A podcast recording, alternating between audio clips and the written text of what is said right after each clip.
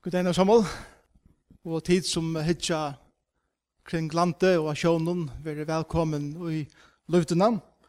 Det er en forratter jeg kunne hava et møte som heter, og eisen hins tøyen og ærenom, ta vi vidt uh, gledest.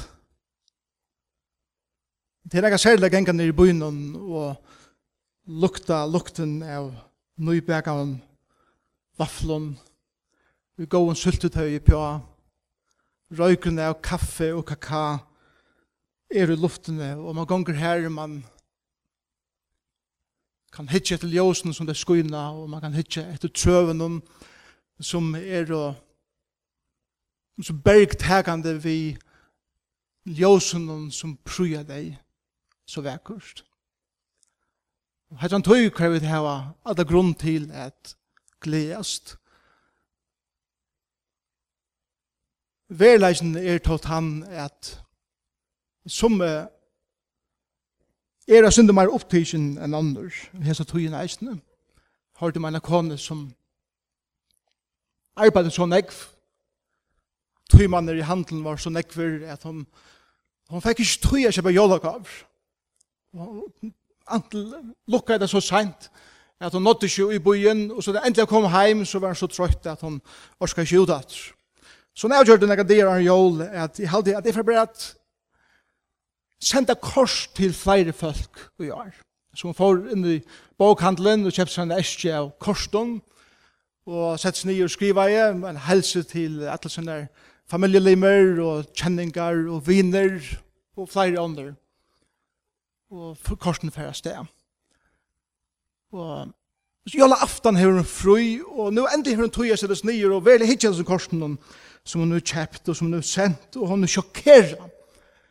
Ta jo hon åpna korset innan og leser ned i hjørnen om teksten, som sier at dette jólakorset er bæra for at det vita at jólagavan er avhis. Hatt det som strongt ofta gjer i løyvene tjaken. Men verleggen er eisnet han at det er negg som sider kring okkar land som heldig ikke har råd kjøpe gaver vi har. Og som har trobult vi er få endan å røkka saman. Og tar vi tås om glede, tar vi tås om jola gledina som er i som mannen, så vidar vi samtidig at til negg strongt folk rundt om okkur Det er ikke folk som ikke klarer hendamannene for endene å røkke sammen om de skulle leve upp til det å kjøpe de gavene som vera og i handelen okkara hese togene. Og sannleggen er eisen til han at vi kunne ikke lede en slik tog og en slik høve som i det færa forboi utan at minnast at her negv og i okkar lande og rundt om okkar og eisen folk som vi kjenner som er i djupare trångt og i djupare sorg. Det blir ikke til at ta seg om glede utan å ha kontrasten til sorg og vannløse og skam. Jeg husker om de som kanskje første fer halda jól utan konesøyna som er færen, eller konan utan mannsøyn som er færen. Vi husker om bøttene som i fjør, helt og jól sammen med mamma og pappa og i år. Er mamma og pappa ikke sammen mer. Og jeg vet ikke om jeg skal være til pappa, eller til mamma, eller hvordan jeg skal være. Og i år. Vi husker om de som er svitjen, vi husker om de som sakna og som har mest. Og vi kunne heldig ikke lade være ved at huske om tragedien der, som hender om noen, i husker om unge kvinner som så sykelig døye i til og kottla fire. Og hugsi om en familie som sitter her har mest syna prakkfull og vøkre døtter. Jeg husker om tragedien iver i Newtown, Sandy Hook Elementary School, foreldre som har mist 20 bøten i 6 tjej og av aldrenen, som i det sider i fullkomne vognløse og meningsløse. Og det er seks lærindene som var drypner som tar rønte at verja bøttene som var liten teimen opp i hender. Og så hugger vi alle hinne rundt om oss i akkurat landet som ut i stidla, som vi ikke har hørt om, som vi kjenner som einstaklingar, som vi sunne stilla sinne, syrkja, pynast, og er vonnes. Ta vi tås om jola gledina, så kunne vi ikke lade vera vi, eller eisen hugsa om kontrasten til det, og spyrja spurningen, Hever Bibelen eka svær til slukt? Hever den boskapen som vi kallar for glede bådskapen, jola bådskapen, nega svær til realiteten som folk er ui, i okkara lande, henda mannen nu vi skulle gledast som vi gjerra. Hever kristendomen nega svær? Kunne vi bare sia, liv er harsht, såles er det bare, Og vi må røyna komme videre og ta i til. Etla, er det en trøst i båskapen om badene som er født i Bethlehem? Er det noe som vi kunne gru på ui og føle at jeg kan halte i nøkron som jeg vet heldur mer fast? Det er spørninger som nek sier vi hese det er. Og er så glad for Isaias profet 600 år åren Kristus var føtter inn henne heim. Skriver han om realiteten av føying Jesus her. Og i en tøy som var utrolig svar og tro på i Israel. Og sier at det er inne sløyga tøyer. Og i dualiteten og i middelen glede og sorg vogn og vognløse, ljós og myskur. Det er inn i slukar verilar omstår som vi lever i, er Bibelen talar. Og Isaias skriver til Israels folk, og i kapittel 9, Hesi kjente versene at et baden er født okkon og sonur er okkon given. Vi citerar det verset så ofta, særlig så tøyene og æren, men vi glemmer ofta sammanhengen som eh, dette her, dette versen, dette verset er skrivet ui. Og tog innskje i det at lesa Isaias nudje, og fra vers 1, vers 1 til tjei. For at hjelpa okkun at få nekka håndgrypelet, og i Jesus spurningen om, have you grunnt a gledast? Hva kan jeg trive i, ta jeg sorgrekar mitt liv? Isaiah skriver så i 19. kapittel, vers 1. Ikke skal alltid være myskur i landen, her som nu engest ræver. Fyrr var vannæra iver landet Sebelons og Naftali, men av kommande tøyen skal han leta koma heier iver hem. Iver veien fram i haven om vestanfyre, og land i hine min jordan, estanfyre, kalla Galilea hetningana. Falske som gonger i myskre skal sudja størst ljós. De som sida i landet deia skuggans, ivet hei skal ljós og skuina. Falske som avur ikkje kjende glede skal du leda vaksa ut helen Hei så gledes for i asjontøyne, som tar i en hester grøye landsens, og som fegnast ta i fangur for jamt skifter. Tøy åtje tei nu bera, lemjande køyrlen av ridget herra, og staveren som var bruktur at reka tei vi, tei hei to bråte sunders. Tei vær som bardagen vi medianittar, Ja, krukskekvander og blådolk av klæjene skulle brennast og enda som føje eldsins. Toi baden er født okkun, sonur er givin okkun, han skal bæra reie sutt av sterskun akslun. Navn hans er underfulle rådgjøve, veldig god, er vi feir, friar høytingjøve, Herredømme hans herre skal ei kjennast av frie, rattvise og trofeste. Må til herren sikna 70 år. Hesten teksten som vi leser i Isaias er profete, er en tekst som viser om beina veien, kontrasten i middelen, at folk som er i djupare skom, at folk som kjenner vann er i vår synen løyve og et falt som er i engest. Og det, som vi, det første som vi lærer i teksten er at tøyene er troplar i Israel. Tøyene er troplar av falskene som lever i landet. Men vågen er i luftene. Vågen er i luftene.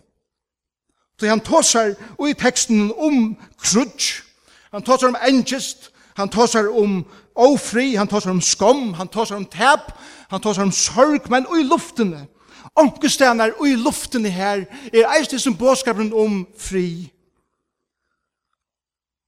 Her som engest er, skal frier komme inn, her som skom er, skal heier komme inn, at iver livet av folket. Her som mysker er, skal komme ljós.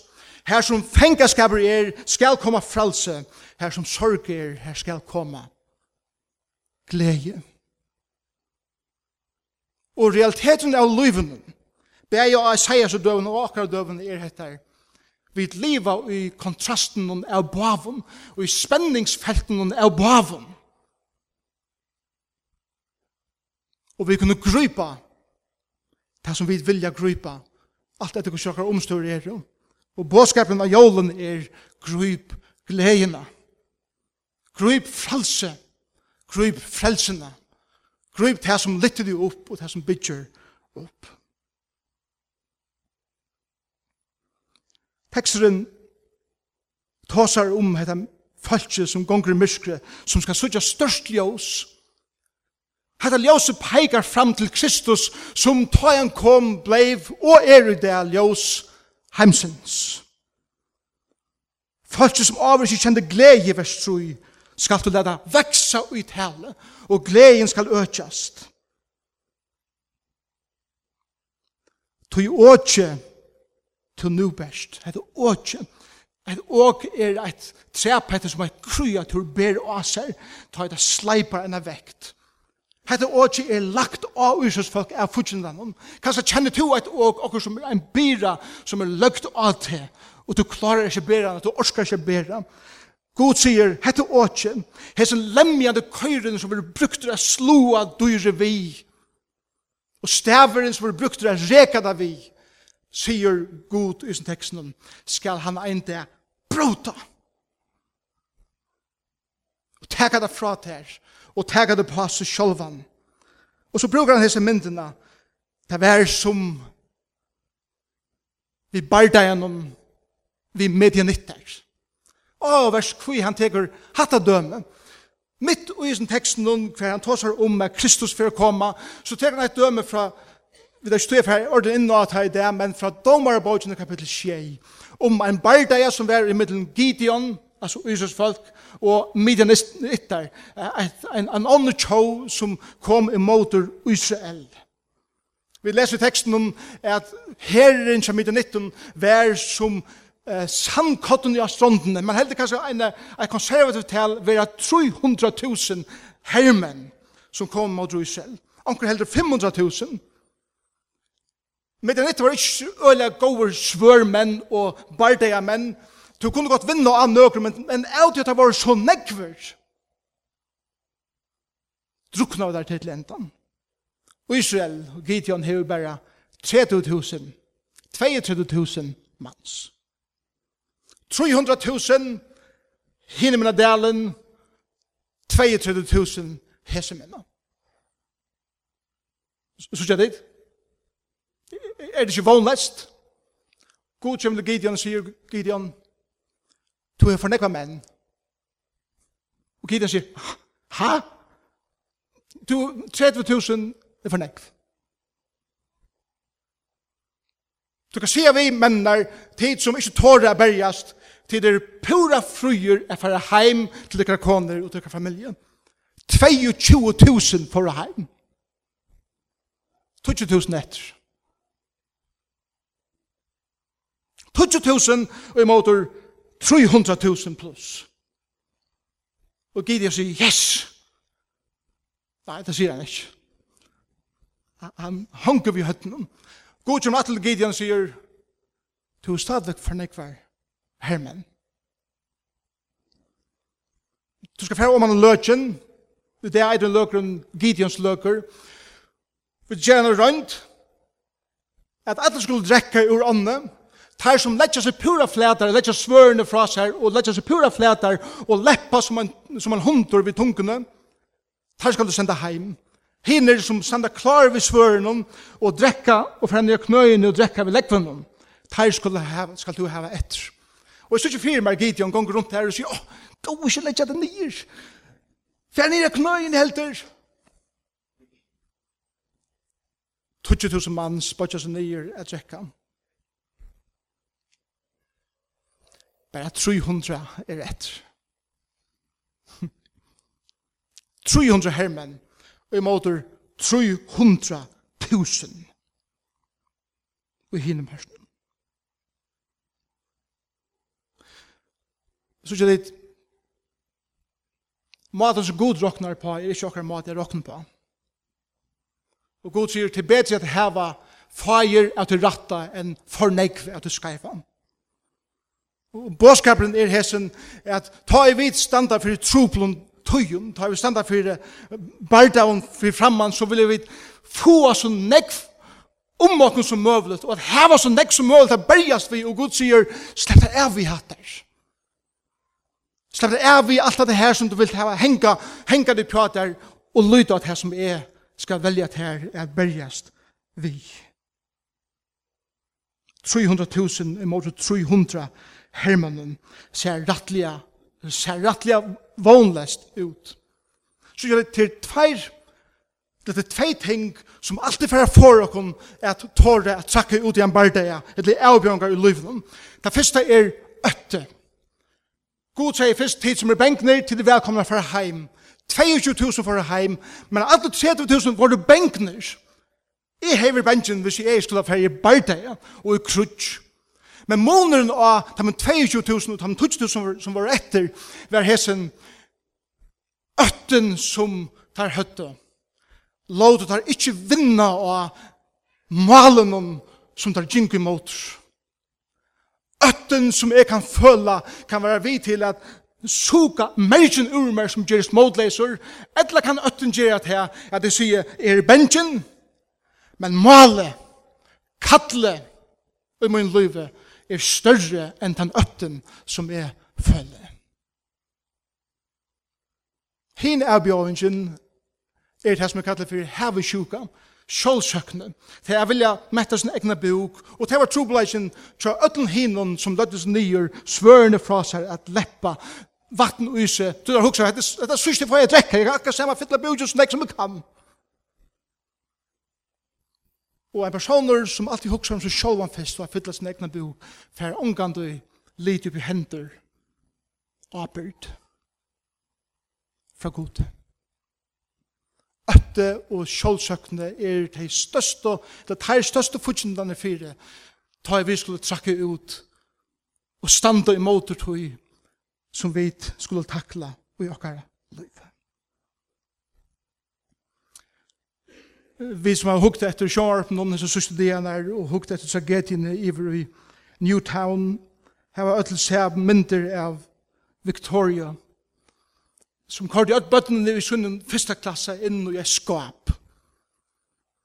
Hun stod her, i droppsmæren kom inn i henne klasseverelse og sier, bøttene er ferdig i fimlager. Og her så løtene stod hun ensamhet. Eia til eia vi som droppsmann, som kulen er skratt og henne holdt som der. Og hun døg. Og hun var ikke ivet hisen av øtta. Og hun var ikke ivetidsen av sjålsøkne.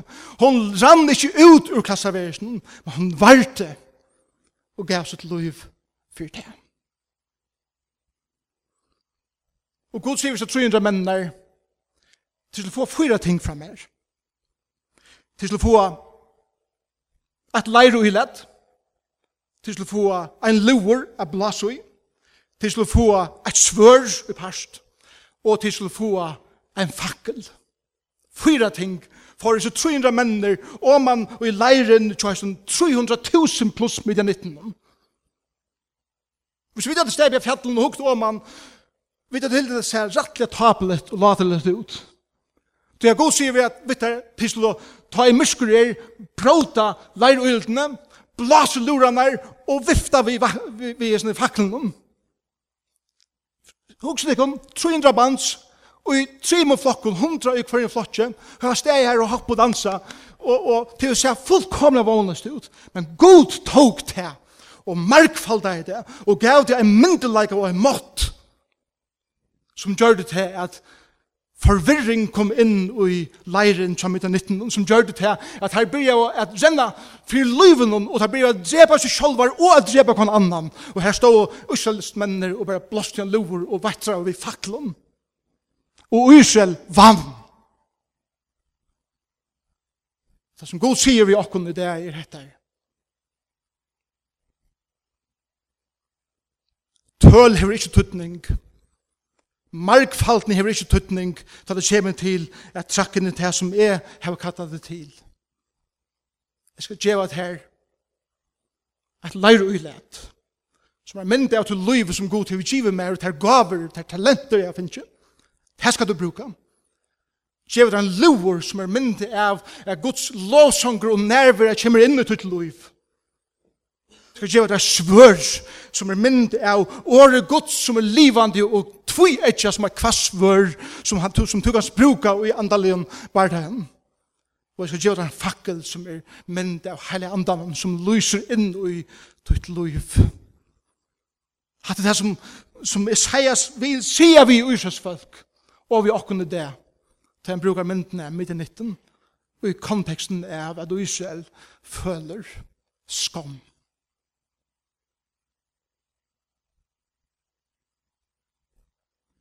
Han sier vi jo Israels folk, God hever trakke inn over, han fer å gjøre det atter.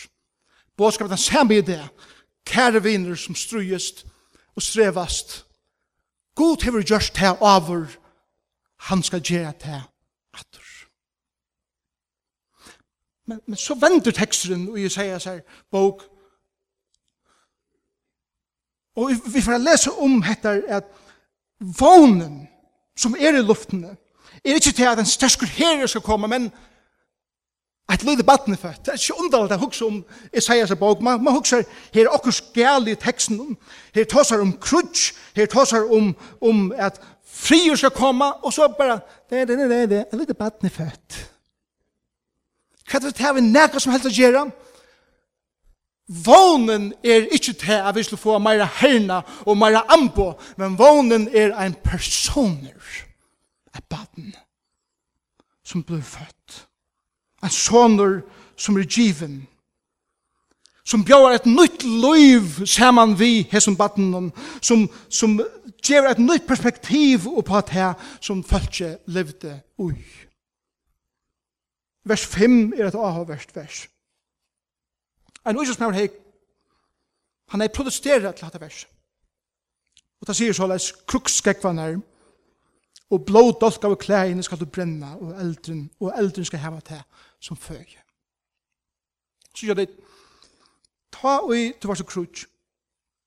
Og ein av tøynum landsmannen døye og gav sitt lov for sitt land, så var det avbyrden tja tøy som ivelevde.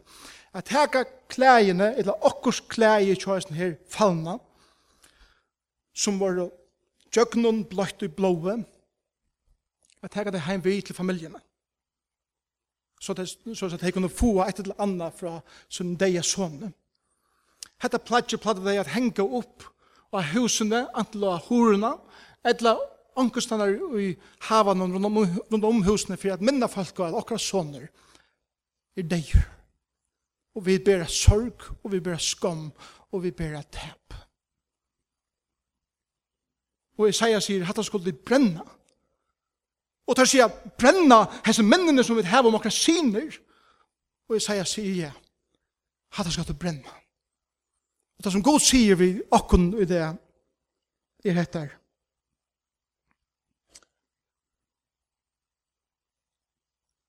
Tu som føler pyne ut i liv. Tu som føler sorg. Tu som føler misbruk. Tu som føler skam. Tu som føler at du er nye trykter. Du tog ikke at her at jeg hattar og leder det brenne. Gjev hattar ivet til battene som er født, som skal tega det vi på krossen, og lade det brenne her tunne skam og tunne sorg. Men eisen hinne veien til skam og til pyn og, og til sorg som jeg har valgt øren, skal jeg eisen blæke i elden og sier god, jeg gjør vi hatt her ivet til tøyen eisen. Det er sånn for det som sier, kan ikke fyre ikke meg selv om fyre det som jeg har gjørst eller sagt. Og god sier, eisen til skal du teka opp og bleka iver hetta batne som er født. Kruks skekvanna skal det eisne teka. Skekvanna var sjåan te som gjørte at en bardeg maur kunne bergjast og renna og beveka seg. Og han sier tek skekvanna er av brent her eisne. Te krutsi er ivesteg. Og det som han sier vi okkun i sin teksten er etter Batne er kommet, batne er født, for jeg tega bardeg, for jeg tega hoen til hevnt for jeg teka hætur, for jeg teka bæskleika, for jeg teka bæktel, og hoen hevna borster, og leta det brenna.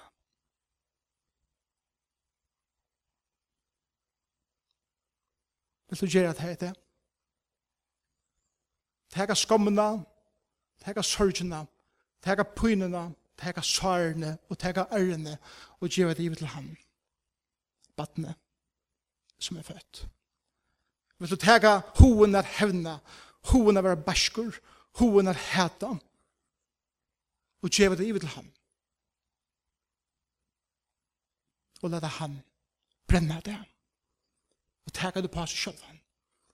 Blåfleit. Klæin var dekka av blå og hermannen, men blåfleit eisen fra battenen som var født i Bethlehem. Ein der av Golgata krosset,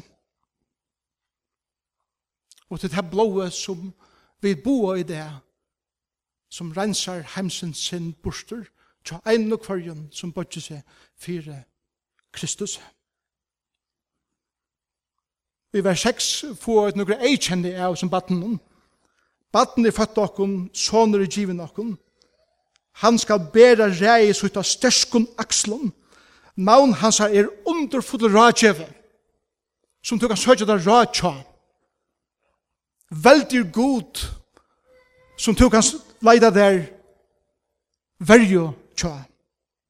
Er vi fægir som tog kan leida der trøst fra og friar høvdinje som tog hans leida der luft tja.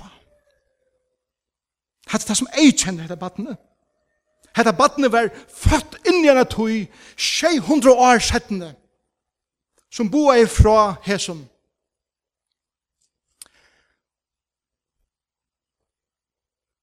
at Israel er under en herrar i hånd som heter Rom. Størst av einon sjukun konge som heter Herodos, som let All bøttene i Bethlehem og områdene her være drypen for forfæter i kongen. Men ta bøttene Jesus Kristus slapp undan ta. Og folk kunne spørre, hvordan ble det til at tvei år gammel bøtten dødja og hette bøttene som har vært etter slapp undan til en annen tale.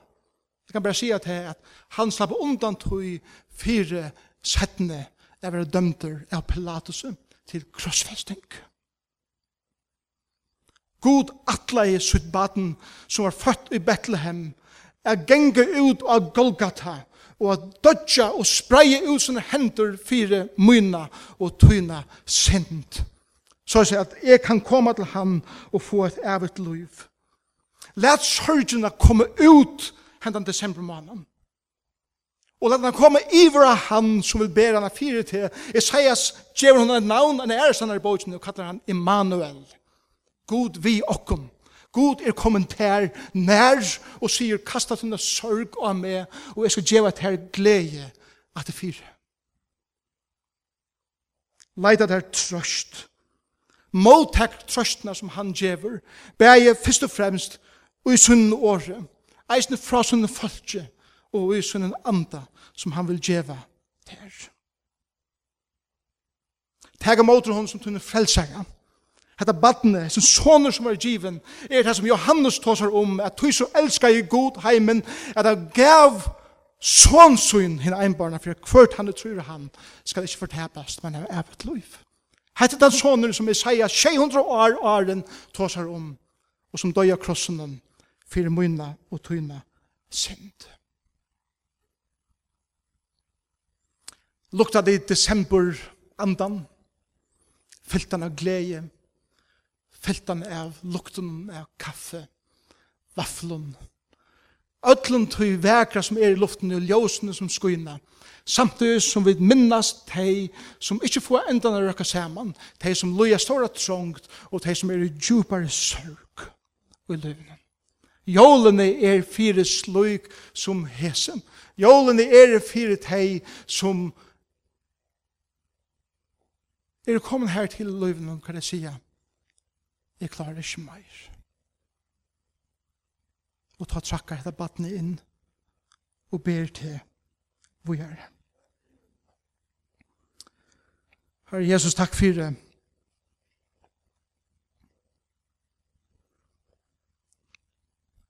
at henda mannen som vi gledast om det som hendte i Bethlehem. Så kunne vi ikke lade være vi at minnes til herre som bare nå sitter djupere sørg. Jeg husker om en så kære familie Kotlafyr som har mistet sine prakkfulle døtter. Jeg tror at vi er teimen nær bi her. Og alle hinen som har mist, vi er det tjona fjellet, ja, foreldre eller bøten, eller viner, at du vil komme til hjemme nær. Vi tok som tragediene i Newtown og i USA, Det er familien der som har mist sånne bøten og sånne kære. At det vil være om deg. Hjelp okken å kaste okker sorg over det så at du kan gjøre okken glede og i sorgene Han lærer okken liv og i kontrasten av hesson. Jeg måtte liv er fyllt bæg av sorg og av glede samtidig. Bæg av vogn og vognløse samtidig. Bæg av myskri og ljøse samtidig. Men må det være glede, må det være vogn, må det være ljøse som ber iverhånd.